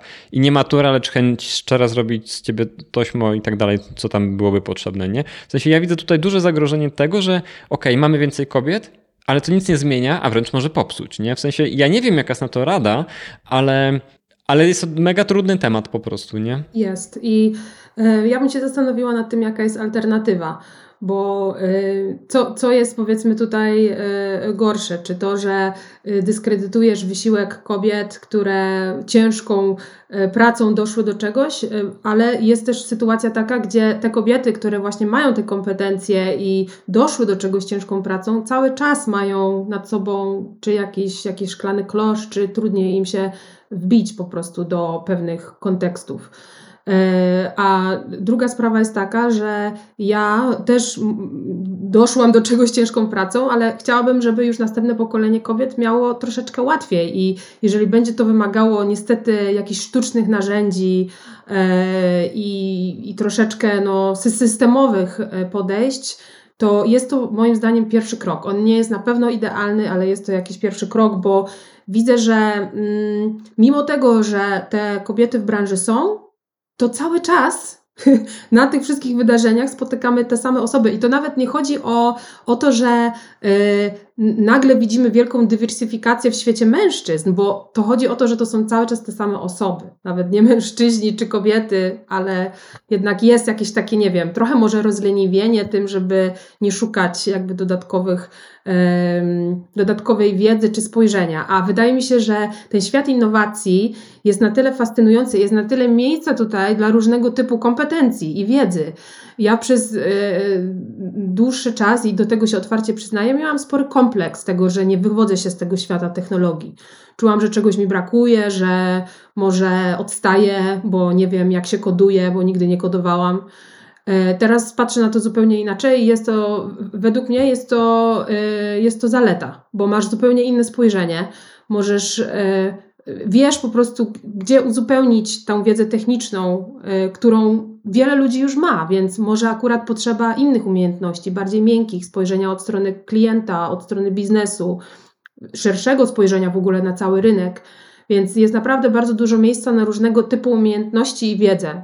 I, i, I, myślę, że wiele kobiet właśnie ma podobny kompleks, że nie dość, że może nie mają, mm, nie czują się na tyle mocne technicznie, to jeszcze często e, wyzwaniem dla kobiet jest to, że nie czują się dostateczne pewne siebie, żeby w tę branżę wejść. Właśnie chciałem do tego nawiązać, czy to nie jest taka autocenzura? Jest ten mega taki stereotyp popularny, gdzie jak facet y, spełnia 60% kryteriów na dane stanowisko, to aplikuje, a kobieta jak 100%. I nie umiem tego ocenić, na ile to jest prawdziwe. Jest taki stereotyp memiczny i tak dalej, ale mi się wydaje, że coś w tym jest. Nie mówię, że to jest w 100% i że to są poprawne proporcje, ale że coś w tym jest. Może jakimś dobrym pomysłem byłoby ośmielanie kobiet po prostu do wielu rzeczy. Bo wydaje ja mi się. inny pomysł. O, o. Ale to skończ. To ja, ja, potem ja się wtrącam z pomysłem. Dobrze, nie, no to znaczy. Bo, bo ja nie czuję tego parytetu przez te minusy. M może. Yy, nie uważam, że to był, że on ma na tyle dużo minusów, że jest po prostu krzywdzący dla ludzi, dla kobiet, które już osiągnęły coś. Je, ciężko sobie też wyobrazić, jakby to się miało odbyć fizycznie, bo to też może się okazać, że y, jest zwyczajnie niekorzystne, no bo skąd, skąd te kobiety trzeba byłoby wziąć. I jeżeli na przykład nie było y, praktyki, y, tradycji i tak dalej, nabywania kompetencji, a osoby, nie wiem, do zarządu na przykład są wprowadzone z parytetu, to jeżeli nie było do tej pory na przykład takiej tradycji zbierania kompetencji i, i, i tak dalej, i tak dalej, to może się okazać, że to jest niekorzystne dla, dla samej organizacji. Natomiast no widzę, że, w, że nie ma tak dużo kobiet, nie? I, I wydaje mi się, że to jest bardzo złe i bardzo niedobre, że, że ich tak dużo nie ma. Tylko jak je zachęcić, żeby one się uaktywniły, to jest moja teza, którą stawiam, że kobiety się autocenzurują w jakimś, w jakimś zakresie i nie mają tego. Nikt ich tak nie popchnie mając pomysł, na przykład nikt ich nie popchnie, ok, ale ty to zrób, bo na przykład one tego mogą, może im tego brakować. Nie wiem, nie, nie, nie chcę zostać odebrany, że ja tu wiem za dużo albo się mądruję, nie? To są moje takie obserwacje też z tego, jak na przykład moja żona um, y, funkcjonuje, gdzie y, w jej firmie jest dużo kobiet na przykład, tak? Ale też nie wiem na ile y, to jest jakaś pomoc, mm, która by się jej przydała albo nie przydała, nie wiem. To jest, mi jest to mega. Chcia, chciałbym się wypowiedzieć, ale jest, ja się też autocenzuruję, żeby, żeby jakiegoś tutaj nie było lapsusu z mojej strony, nie? A tak wracając do mojego pomysłu, wydaje mi się, że właśnie te wszystkie takie działania w stylu parytety i tak dalej, to to jest jakaś droga do przetrenowania tego, czy da się trochę sztucznie, albo trochę może nawet nie sztucznie, co na siłę zasilić rynek y, pracy, tak fizycznie zasilić go kobietami, ale to, to, trochę boję się tego, o czym mówi Maciek, że to jakby odbije się rykoszetem, a wydaje mi się, że brakuje jeszcze jednego elementu, który, y, który mógłby pomóc, pomóc całemu temu rynkowi, raczej kolejnym pokoleniom, to jest taka edukacja albo wspieranie osób, które już są w IT, głównie mężczyzn, do tego, żeby swoje córki, swoje żony, partnerki, y, siostrzenice, bratanice i tak dalej, żeby y, pchać tym ludziom, którzy już w całej swojej masie pracują w branży IT, do tego, żeby oni też pokazywali tym, tym młodszemu pokoleniu, dziewczynkom z młodszego pokolenia albo nastolatkom z młodszego pokolenia, że to już nie są te czasy, że jest pan tata, który pracuje w firmie z innymi panami, tatami, a panie to siedzą w domu i wożą dzieci na zajęcia pozaszkolne w takim amerykańskim standardzie, albo w Polsce po prostu gotują i pilnują. No nie? W sensie, że to od tych, y, tych takich domowych miejsc powinien wyjść ten impuls do mężczyzn, żeby też pokazywać, że słuchaj, no ale no to, że ty się interesujesz komputerem, to nie jest tak, że teraz zostaw ten komputer, masz tu lalkę, baw się lalką, bo ty jesteś dziewczynką, tylko jak się bawisz komputerem, to się baw. No jakby znajdziemy dla ciebie jakieś miejsce w całej tej układance, bo ten rynek jest tak szeroki, że może nie będziesz y, JS-owcem, y, ale może będziesz właśnie product managerem, product ownerem, będziesz tam, nie wiem, designerem, kimkolwiek takim, no nie? I wydaje mi się, że y, trochę brakuje w tych wszystkich działaniach takich prokobiecych, tego elementu, w którym zwraca się uwagę mężczyznom, którzy są już w tej branży, że to nie jest tak, że słuchaj, ty jesteś w tej branży i ty jesteś jakiś wyjątkowy. Nie, no po prostu kulturowo, społecznie tak się ułożyło, że nasi rodzice, czy rodzice naszych rodziców traktowali tak, że chłopcy to są od tych technicznych, więc jest większa szansa, że twoi koledzy poszli na te studia i tak dalej, i tak dalej, całe te zbiegi okoliczności, ale twoja córka nie musi tak mieć. To może być tak, że twoja córka pójdzie na informatykę mityczną, no nie? Albo coś w tym stylu. I, I, tego brakuje trochę w tych wszystkich działaniach takich pro-kobiecych, nazwijmy to, no nie? Do, do tego mhm. stopnia, że ja y, gdzieś tam w rodzinie słyszę takie sformułowania. Y, idź tu i tu, bo to jest taki fajny zawód dla dziewczyny. Serio? I od, od mamy. Mama mówi córce i, i mi witki opadły po prostu, nie? Yy, mm. Ja, ja się stu... Jaki jest zawód fajny dla dziewczyny, Maćku? Bo to jest, to jest ciekawe. Nie będę, Co to może być? Nie będę e, doksował. okay. Co ty myślisz o naszych wypowiedziach Właśnie z tego punktu? Szowinistycznych mąd mądro mądrunkach. E, e, no, oczywiście problem jest złożony i on sięga bardzo głęboko i tak jak mówicie, zaczyna się to w domu, a kontynuuje w szkole, bo u mnie też było takie silne przekonanie, że chłopcy są techniczni, a dziewczynki są bardziej humanistkami, tak? Więc ty jesteś Cokolwiek dobra z znaczy, polskiego, a ty jesteś dobry z matematyki. I to się ciągnie później za człowiekiem i trudno to od siebie odkleić. I nawet jeżeli e, odkle...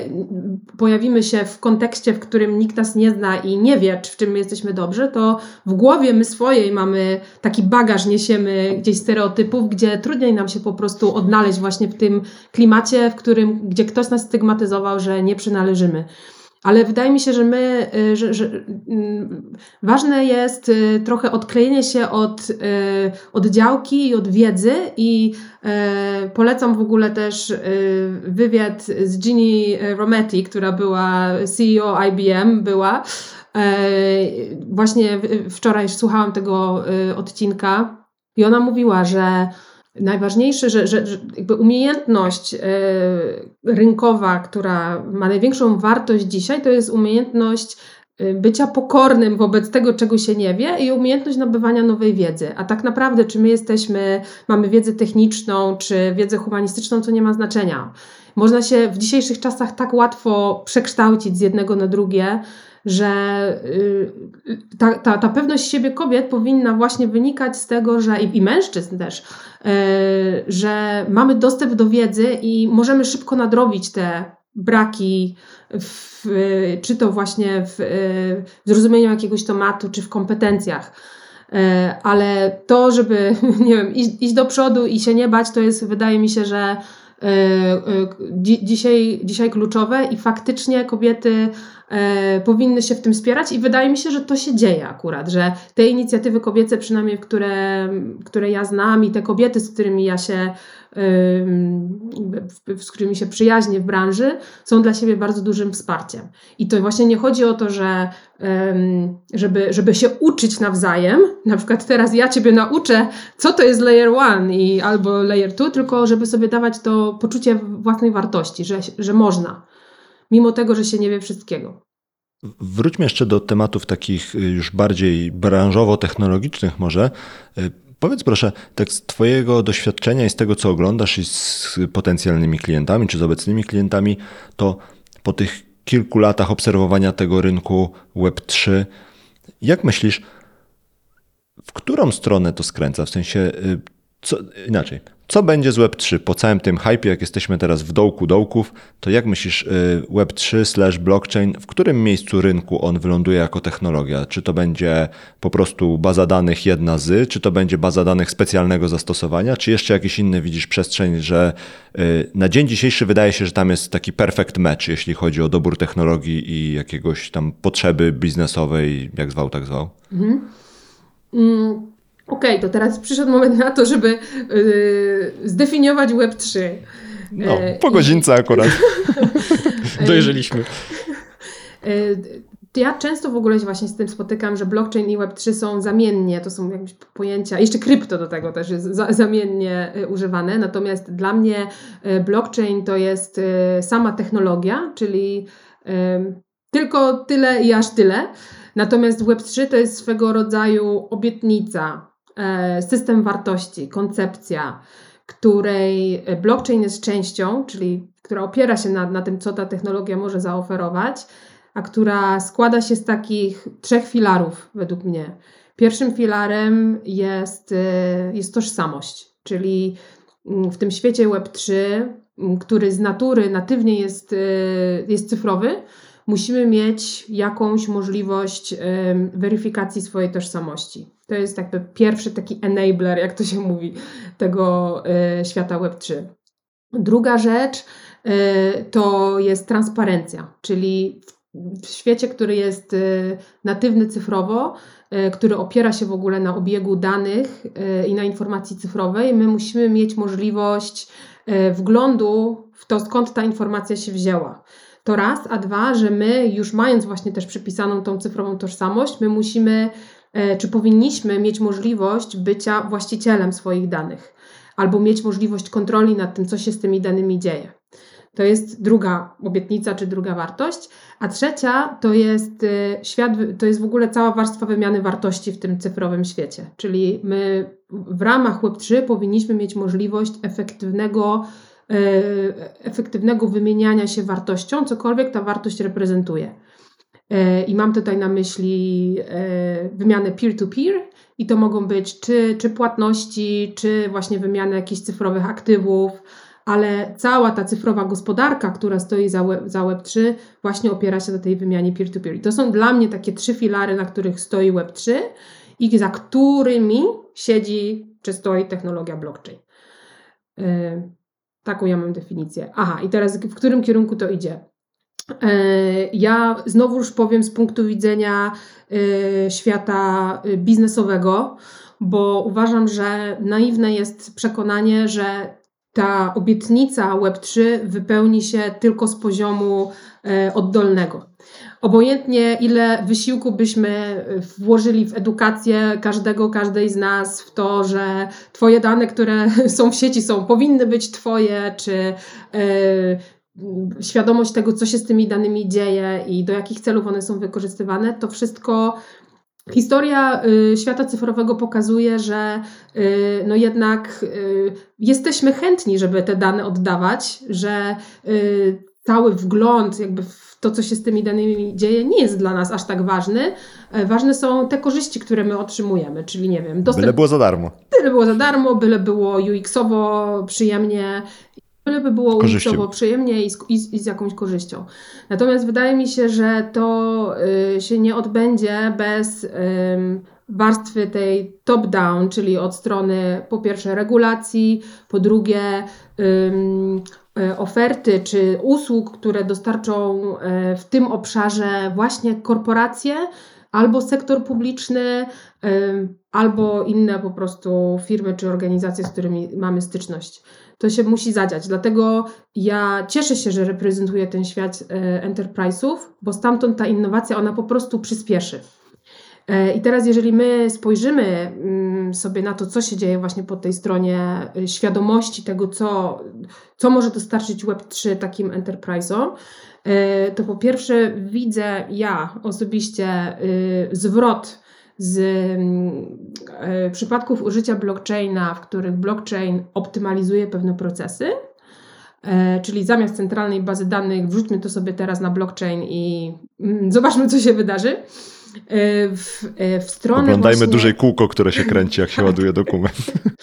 W stronę y, przypadków użycia tej technologii właśnie w kierunku dostarczania nowych, unikatowych usług dla naszych klientów, tworzenia cyfrowych ekosystemów albo cy jakichś marketplace'ów, na których możemy się wymieniać cyfrowymi aktywami lub jakimiś innymi cyfrowymi dobrami, wdrażania cyfrowych płatności, które przyspieszą nam wymienianie się tą wartością, budowania cyfrowych ekosystemów biznesowych Czyli nie chodzi o to, żeby zbierać konsorcjum partnerów biznesowych, gdzie my wszyscy teraz musimy usiąść przy stole i się zastanowić, jak, na jakich zasadach my w ogóle będziemy w tym blockchainie, w świecie blockchainowym sobie operować, czyli ta warstwa governance. tylko chcemy to też zautomatyzować i stworzyć taki model współpracy biznesowej, y, który będzie y, płynny, automatyczny, gdzie ten ekosystem będzie mógł się skalować. I to jest największe wyzwanie właśnie y, wdrażania technologii blockchain w świecie enterprise. Bo to, że jakaś firma X sobie wdroży rozwiązanie blockchain, nawet to niech będą rozwiązania NFT, czyli dobra, teraz od teraz ja oferuję moim klientom kubeczek albo coś innego y, stokenizowane i możecie to sobie kupić. Ale co, ten, co ta osoba ma z tym zrobić? Posiadać i to wszystko? Gdzie ja, czy ja mogę się tym wymienić z kimś? Czy ja mogę, czy to ma jakąś wartość? Jak to nabędzie tą wartość? I moim zdaniem ta wartość się e, rośnie w miarę e, tego, ile my możliwości mamy e, wykorzystania tej, tej, tego cyfrowego aktywa czy tej cyfrowej waluty. A ten ekosystem tworzy się właśnie przez dodanie, dokładanie kolejnych partnerów biznesowych, bo jeżeli ja mogę sobie ten token, stokenizowany asset wziąć i wymienić już w jakimś innym kontekście, E, korporacyjnym, biznesowym, rynkowym, no to już się z tego robi jakiś rynek. I im większy ten rynek, tym większa wartość dla wszystkich, dla partnerów biznesowych i dla użytkowników.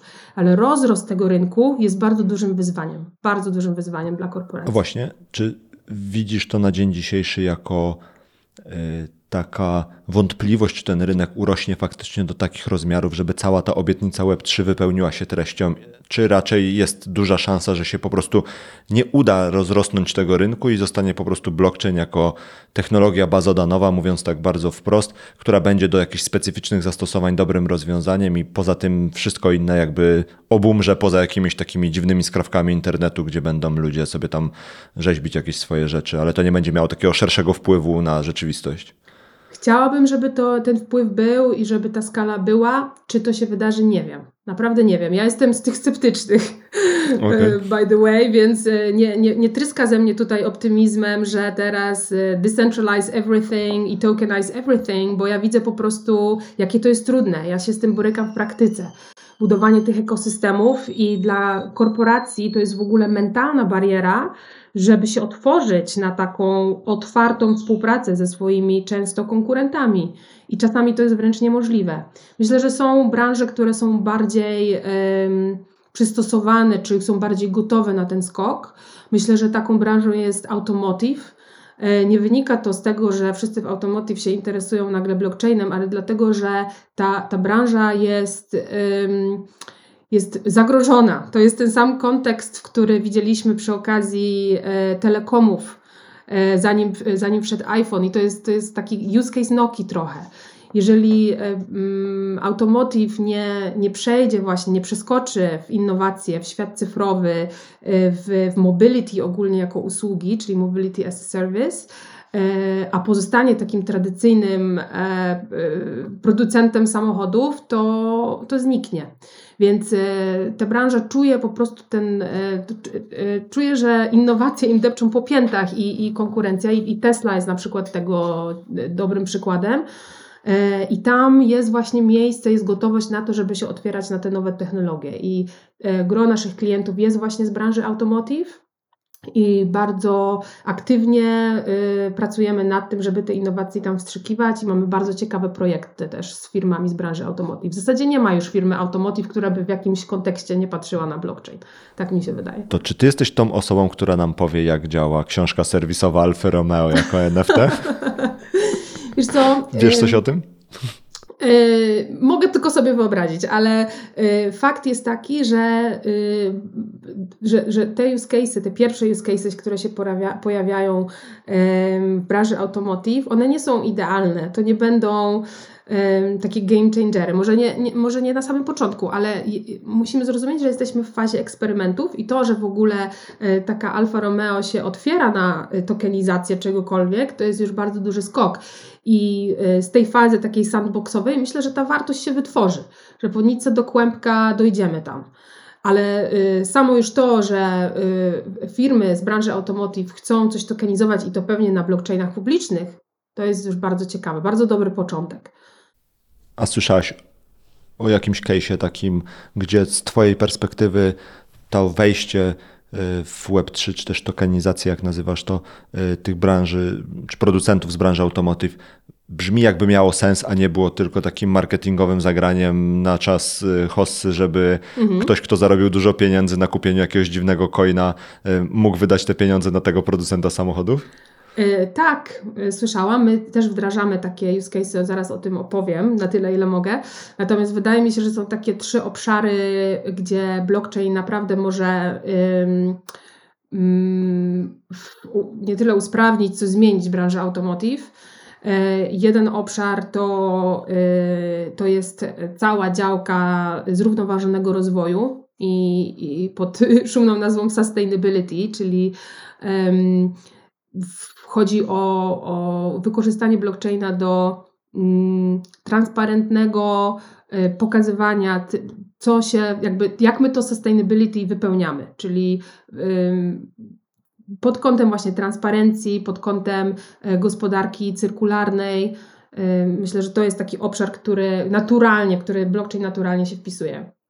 E, Druga działka to jest e, budowanie społeczności wokół marki.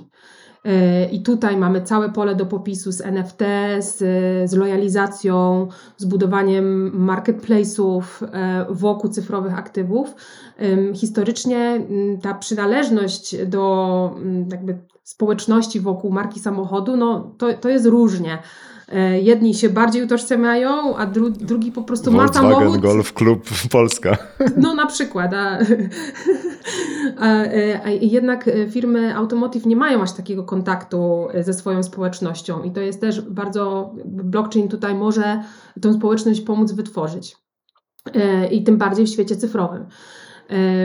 A trzecia e, działka to jest w ogóle cała działka danych, czyli też znowuż cyfryzacja i to skąd te dane do nas płyną i co my możemy z tymi danymi zrobić. Mówię tutaj o danych telemetrycznych, danych, które my produkujemy jako kierowcy, które wytwarzamy w ramach y, y, jazdy samochodem. I, I cała właśnie obróbka tych danych i budowanie nowych usług na podstawie tych danych. Także to są takie trzy obszary, w których automotive mi się wydaje, wykorzystanie blockchaina jest naturalne, no a przy tym cała branża też, e, tak jak wspomniałam, się cyfryzuje i już niedługo samochód e, będzie naszym po, po prostu wypełniał, będzie, będzie usługodawcą, tak? Czyli jeżeli... Komputerem, który nas wozi. Tak, tak. Nie będzie potrzeby posiadania y, samochodu, tylko ten, ten samochód będzie właśnie y, pełnił zupełnie inną funkcję. Także jest to ciekawy obszar. A przechodząc do tego, co my właśnie robimy, jakie, jakie, jak my wykorzystujemy blockchain, nie mogę powiedzieć, dla kogo to robimy i jak, e, jak i, w ogóle wjechać w bardzo duży szczegół, bo są to informacje mm, pod NDA-em. E, Natomiast my mm, budujemy teraz e, zestaw e, mm, przypadków użycia blockchaina, w który z jednej strony właśnie chcemy zmotywować kierowców czy posiadaczy aut do dostarczania tych danych telemetrycznych, które produkują i zrobić to w sposób, który jest zgodny z wartościami Web3, czyli wynagradzać ich za to, e, dawać im szansę monetyzacji tych danych, czyli zbudować jakby ekosystem mm, e, wokół, e, wokół użytkownika, a z drugiej strony dać, stworzyć skalowalny model budowania tych ekosystemów em, biznesowych e, wokół e, organizacji, z którą e, współpracujemy i stworzyć rynek na te dane. Czyli tutaj wykorzystujemy blockchain do tego, żeby budować taki mm, ekosystem wymiany wartości między partnerami biznesowymi i między użytkownikiem. Tyle, tyle mogę A powiedzieć. dlaczego blockchain, a nie cokolwiek innego? Z takiej bardzo wysokopoziomowej e, perspektywy brzmi trochę jak punkty payback za sprzedawanie swoich danych, no nie? I czemu to jest akurat na blockchainie, a nie, wiesz, po prostu karta, na którą ci nabijają za to, że powiesz dokąd jechałeś, z jaką prędkością, w sensie, że ktoś sobie będzie mógł to sczytać. Mhm. E, Wartość e, polega na otwarciu tego systemu, na jak, najszersze, jak, naj, jak najszersze otwarcie tego ekosystemu. Czyli jeżeli znowu ja będę mogła y, wykorzystać ym, te punkty w jakimś innym kontekście, y, może je zmonetyzować, mm, może przenieść je do, y, do jakiegoś innego kontekstu, wtedy, wtedy otwiera się dla mnie więcej możliwości. No bo to jest taka y, y, transakcja wymiany, moje dane na twoje coś, jakieś tokeny, y, czy to podzielne, czy niepodzielne i potem jak ja jako taki użytkownik mam te tokeny, to mogę dalej z nimi coś zrobić łatwiej, niż gdyby to były punkty payback, bo regulamin, bo whatever. Czy, czy ja to dobrze interpretuję? Tak. Plus też nie chodzi o dane, mm, nie mówię teraz tylko o tym e, przypadku, w którym my pracujemy, ale w ogóle w kierunku, w którym idzie rynek. Chodzi o udrażnianie w ogóle poboru tych danych e, nie tylko od użytkowników, ale też e, z mm, urządzeń i tworzenie jakby ekosystemu wymiany danych, łącząc do tego infrastrukturę IoT czyli taką cyfrową gospodarkę danych. I blockchain jako warstwa, która mm, będzie służyła temu, żeby przyspieszyć wymianę wartości, którą są te, z którą są te dane, dodać warstwę transparencji e, i jeszcze stworzyć jakiś właśnie system płatności, e, no to, to, to, to jest duża wartość. Natomiast znowu, to nie są musimy zrozumieć, że blockchain tu jest tylko jednym kawałkiem. My budujemy nową gospodarkę tak naprawdę cyfrową, ale to nie blockchain tutaj będzie zmieniał świat. To jest jakby zestaw. Tak, to jest, to, tu musi się więcej będzie zadać. Need for speed w rzeczywistości, tak? I, i, I wiele klientów też zadaje sobie to pytanie, które ty zadałeś, Łukasz. Dlaczego ja tutaj mam wykorzystać blockchain? I często odpowiedź jest taka, że wcale nie musisz i, I wydaje mi się, że wiele use case'ów, które my widzimy w branży, czy to krypto, czy to tokenizacja, czy, czy, czy w enterprise, to są nadmuchane use case'y, że tam tego, tego blockchaina tak naprawdę nie potrzeba. I to jest to, o czym mówiliśmy, wychodzenia od strony technologii.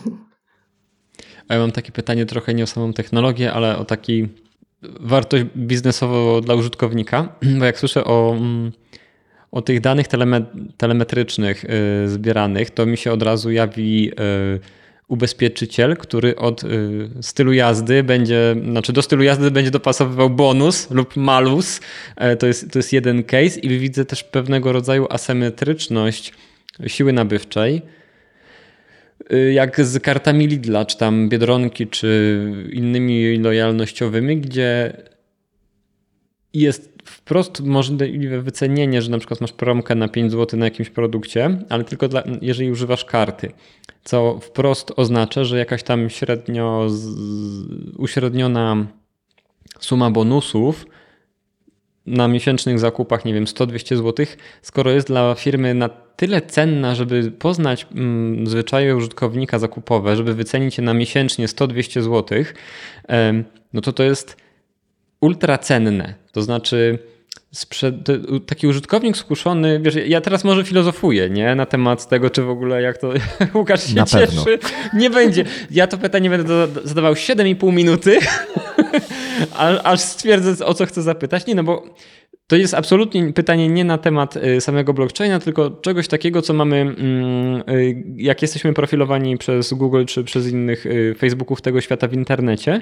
Nawet nie wiemy, którymi metodami. I tutaj jest pole, jakby otwarcie pola do popisu w tym sensie, że nasze dane mm, telemetryczne związane na przykład z samochodem może no jest taki możliwość do handlu nimi wprost, nie? Za jakieś dobra cyfrowe, nie?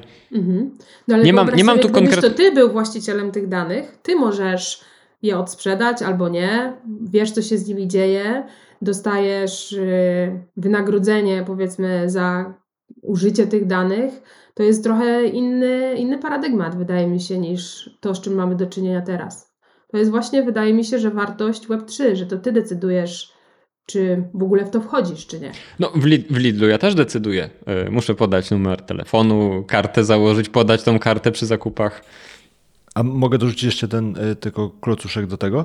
A czy nie wydaje wam się, albo bardziej tobie, e, Agato, bo z Maćkiem to sobie pogadam kiedy indziej, że w tym wszystkim brakuje tego partnera publicznego. To znaczy, że dużo z tych zastosowań Web3 byłoby dużo bardziej takimi kuszącymi dla wielu stron, gdyby to wszystko wynikało z faktu, że wystawia to, kontroluje to jakiś urząd, nazwijmy to. Chociaż no, wiadomo, że public rządzi się swoimi pra prawami, ma swoje wyzwania, jak mówi się ładnie, ale y, no gdyby właśnie na przykład to z ramienia jakiegoś, nie wiem, Urzędu do Spraw Transportu Drogowego y, był wystawiony... Skarbowego na market... przykład, z ramienia Urzędu Skarbowego. Oni bardzo chętnie, tak, do przepływu faktur. E, ale był wystawiony taki system do tego, gdzie ty te dane możesz zaploadować jako użytkownik, a ci w jakiś sposób odpowiednio zweryfikowani producenci na przykład, albo właśnie ubezpieczyciele mogą tam też wejść na jakichś określonych zasadach, to że, że brakuje tego takiego arbitra w postaci tego publika, który będzie mówił, ok, my jesteśmy tutaj po to, żeby chronić słabszych, ale też nie jesteśmy po to, żeby robić krzywdę tym większym, nie jesteśmy komunistami, no nie? Jesteśmy tu po to, żeby w jakiś sposób zrównoważyć tą nierównowagę, która wynika z tego, że tu jest dużo maluczkich, a tu jest mało wieluczkich. Mhm. No ja w ogóle myślę, że y, w Polsce mm, organizacje sektora publicznego mocno zaniedbują blockchain. Y, w innych krajach wygląda to trochę inaczej i wydaje mi się, że y, skończy się na tym, że mm, te standardy i wytyczne będą narzucone przez Unię Europejską, bo to po prostu w tym kierunku idzie. Nie wiem, czy kojarzycie projekt EPSI, to jest European Blockchain Services Infrastructure, to jest sieć publiczno-prywatna, to znaczy jest to Hyperledger znowu, to jest sieć tworzona przez Unię Europejską z założeniem takim, że każdy kraj członkowski będzie y, trzymał u siebie przynajmniej jeden albo dwa węzły, już nie pamiętam takiej sieci. Czyli to będzie utrzymywana sieć prywatna przez kraje członkowskie, na której Unia będzie chciała realizować szereg y, use case'ów właśnie służącym E, usprawnieniem usług cyfrowych w, w sektorze publicznym. I polega to na nie tylko tworzeniu e, całej sieci, ale też infrastruktury cyfrowej wokół tej sieci i jednocześnie standardów, właśnie wytycznych o tym, jak e, te use cases mają funkcjonować. Było w tym temacie szereg przetargów. Generalnie to już się dzieje. Strategia jest taka, żeby do 2030 roku ta sieć była gotowa. Teraz testuje się y, te pierwsze use cases. Chyba na tapecie teraz jest um, certyfikacja czy przepływ um, certyfikatów i dyplomów akademickich w ramach różnego typu instytucji w Unii Europejskiej. Czyli będziesz mógł mieć e, możliwość weryfikacji swoich dyplomów, bardzo taki właśnie przystępny UX-owo e, sposób w, różnych kontekstach, e, w obojętnie jakim kraju unijnym. E, a podwaliną w ogóle tych, tych wszystkich use case'ów jest właśnie infrastruktura cyfrowej tożsamości. W ramach tej, tego systemu EPSI jest dostępny już szereg, jest dostępny szereg portfeli, które będą służyły do przechowywania y, tych cyfrowych certyfikatów czy tak zwanych credentiali, informacji o tych, które nas reprezentują jako obywateli Unii, czy to będą właśnie informacje, jakieś dokumenty, e, czy jakiekolwiek informacje y, o nas. Stosowana tam jest technologia Zero Knowledge Proof, także też będzie to wszystko w ramach jakby takich tych standardów prywatności i transparencji. E, I mm, no, tam jest ten sektor publiczny krytyczny do tego, żeby stworzyć ten trójkąt zależności między instytucją, które wydają te, te certyfikaty, czyli te potwierdzenia tej tożsamości, my jako obywatel, który jest zawsze posiadaczem tego certyfikatu i który ma kontrolę nad tym, co się dzieje z tym certyfikatem, raz, że go posiadamy, dwa, że go okazujemy i widzimy, kto, kto to weryfikuje, czyli musi być jeszcze trzeci pod, e, podmiot weryfikujący. I to musi się zadziać właśnie z poziomu top-down. Więc jeżeli taka infrastruktura będzie dostępna i będzie. Mm, e, stanie się częścią w ogóle e, cyfryzacji jakiejkolwiek, no to to jest moim zdaniem ta adopcja w ogóle blockchaina przyspieszy. Natomiast znowu, nie, no to jest oczywiście miejsce, żeby każdy kraj już zaczął działać w tym obszarze, ale no z tego co widzę w Polsce troszeczkę idzie nam to Nie śpieszymy się. Jak mówiąc ale delikatnie. To, tak, ale to trochę brzmi znowu jak taki case, w którym y, jeżeli ten web trzyma się wypełnić, to on się może wypełnić jak te dwie te dwie strony się spotkają. W sensie od dołu będą szły te wszystkie takie szalone pomysły, y, takie na granicach albo przekraczające granice tylko po to, żeby sprawdzić dokąd można i ktoś musi to sprawdzić, żeby jakiś regulator czy ktokolwiek się mógł tym zainteresować, żeby w ogóle powiedział, czy można, czy nie.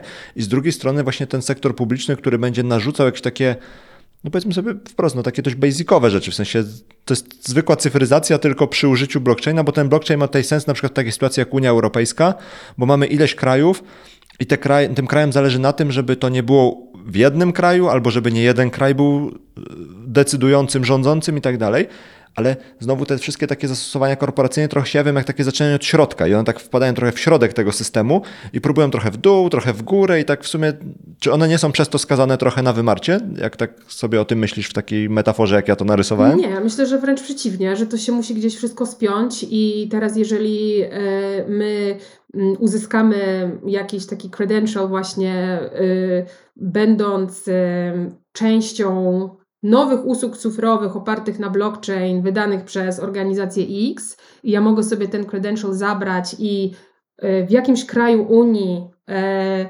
wykazać, no to to jest właśnie to połączenie, że blockchain daje nam tą e, warstwę mm, ujednolicenia tego świata cyfrowego.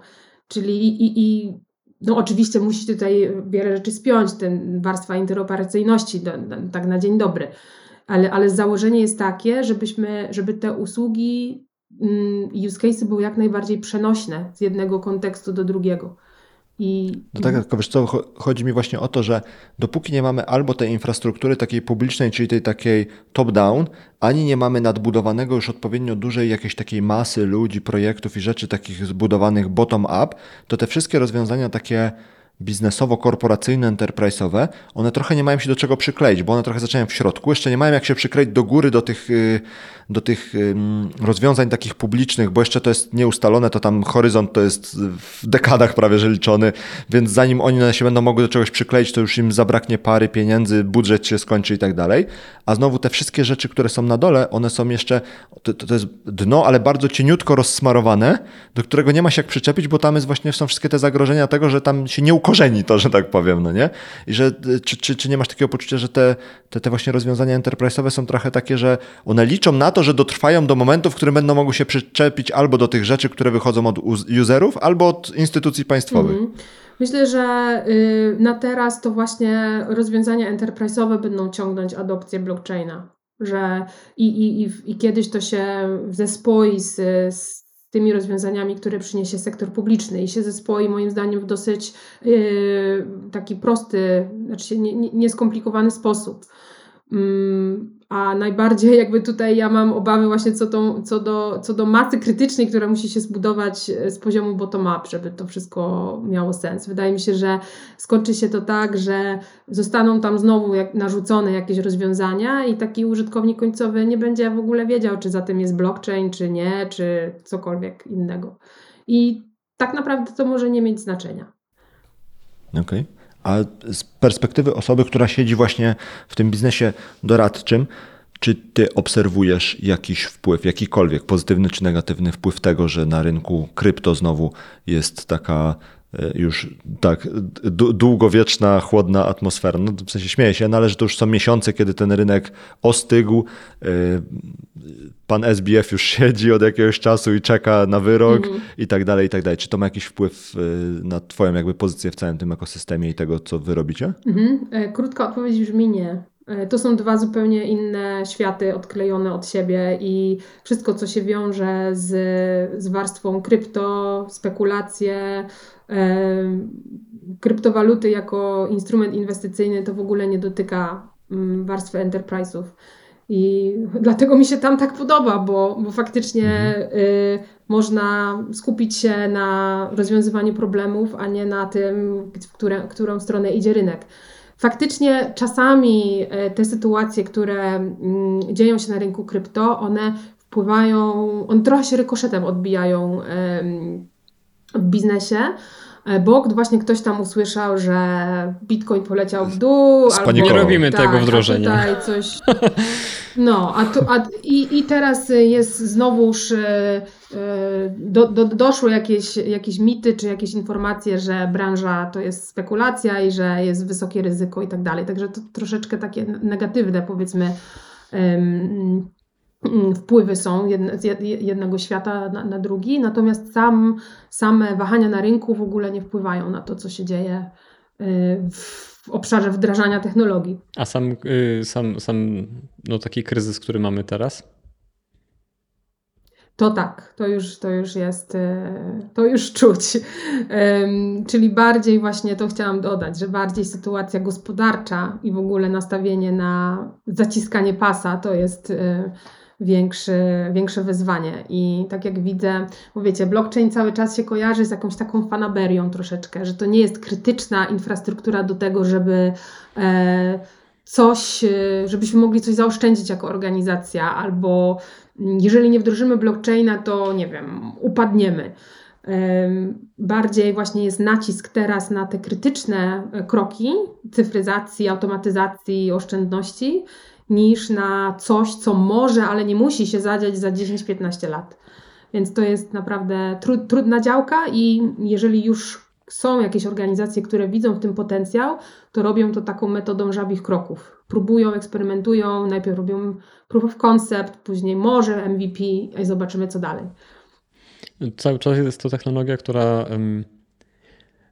raczej jest nastawiona na pociągnięcie firmy do przodu i na y, e- eksperyment, niż na mm, zagwarantowanie sobie czy oszczędności, czy, czy, czy, czy stabilizacji. Nie? No, mamy takiego adwokata znajomego, który mówi w takich czasach kryzysu, że u niego im gorzej, tym lepiej dla niego, w sensie, bo są, ludzie mają problemy, które muszą rozwiązywać i jak ich nie rozwiążą, to, to konsekwencje są daleko idące, asymetryczne po prostu, więc on ma dużo roboty. Natomiast ten blockchain to nie brzmi jak coś, co by obudowywało ci jakieś poczucie bezpieczeństwa w firmie, czy redukowało koszty, co, na, na co prawdopodobnie teraz jest największy nacisk. Tak, to mo- może, ale znowuż trzeba właśnie takiej bardziej konsultingowej e, pracy u podstaw, żeby się o tym przekonać i żeby to oszacować. Ale tak e, na, na pierwszy rzut oka nikomu się ta technologia z tym nie kojarzy. Więc e, bardzo dużo jeszcze, myślę, że to jest taki, tak, taki leitmotyw i jak mantra, każdy wam, kto przyszedł do podcastu, podkreśla, że potrzeba jeszcze więcej edukacji w branży. To prawda, to jakby to się nie zmienia. E, I cieszę się, że istnieje taka organizacja jak Stowarzyszenie Blockchain Polska, gdzie możemy z takiej totalnie neutralnej pozycji edukować, pokazywać, łączyć ludzi, organizacje e, i tworzyć tą społeczność wokół technologii właśnie, nie, nie kryptowalut czy jakichś innych konkretnych projektów. Y, Super. Y, My musimy powoli kończyć. No ja E, też, ale że- myślałam, że jak założyliśmy sobie te dwie godziny, myślałam, że y, co my tam będziemy, o czym my będziemy gadać w ogóle. Otóż o tym, o czym porozmawialiśmy. Dobrze, bardzo, Agata, bardzo Ci dziękujemy, bardzo sympatyczna rozmowa. E, Kończymy minutę przed czwartą, na którą się umówiliśmy. E, Jeszcze tylko Agata, jeżeli są jakieś miejsca albo jakiś przekaz taki, z którym chciałabyś zostawić naszych słuchaczy, albo przekierować ich w jakieś miejsce w internecie, które wydaje ci się, że jest ważne, to, to biorąc pod uwagę naszą rozmowę o kobietach w branży IT, a w blockchain już typowo, to podejrzewam, że możesz coś mieć. No, bardzo zachęcam do śledzenia naszego kanału Stowarzyszenia Blockchain Polska na LinkedInie i na Facebooku, przede wszystkim na LinkedInie. Mamy społeczność kobiecą też Blockchain Girls w ramach e, tego stowarzyszenia, do której też zachęcam panów i panie. E, Zachęcam do śledzenia mnie na LinkedInie, bo czemu nie? Coś tam Podrzucimy czasami dodaję. E, Okej. I chciałabym też właśnie skorzystać z tej okazji i wstępnie zaprosić wszystkich na kolejną e, nudziarską konferencję, którą organizujemy z ramienia stowarzyszenia. Przewrotne to było, e, ale tym razem będziemy w Warszawie 18 maja e, i będziemy rozmawiać o blockchainie, AI i IoT w jednym kontekście, czyli jak możemy e, zwiększyć wartość innowacji łącząc te technologie i mamy już zaproszonych super gości z projektów, które właśnie starają się te technologie łączyć. Także save the date 18 maja i więcej informacji na pewno się pojawi wkrótce na naszych kanałach. Super. Dobra, to ja podrzucę wszystkie te linki i jeszcze raz wielkie, wielkie dzięki Agata za e, rozmowę z nami. Ja też Wam bardzo Trzymaj dziękuję się. za zaproszenie i pozdrawiam. Cześć. Dzięki.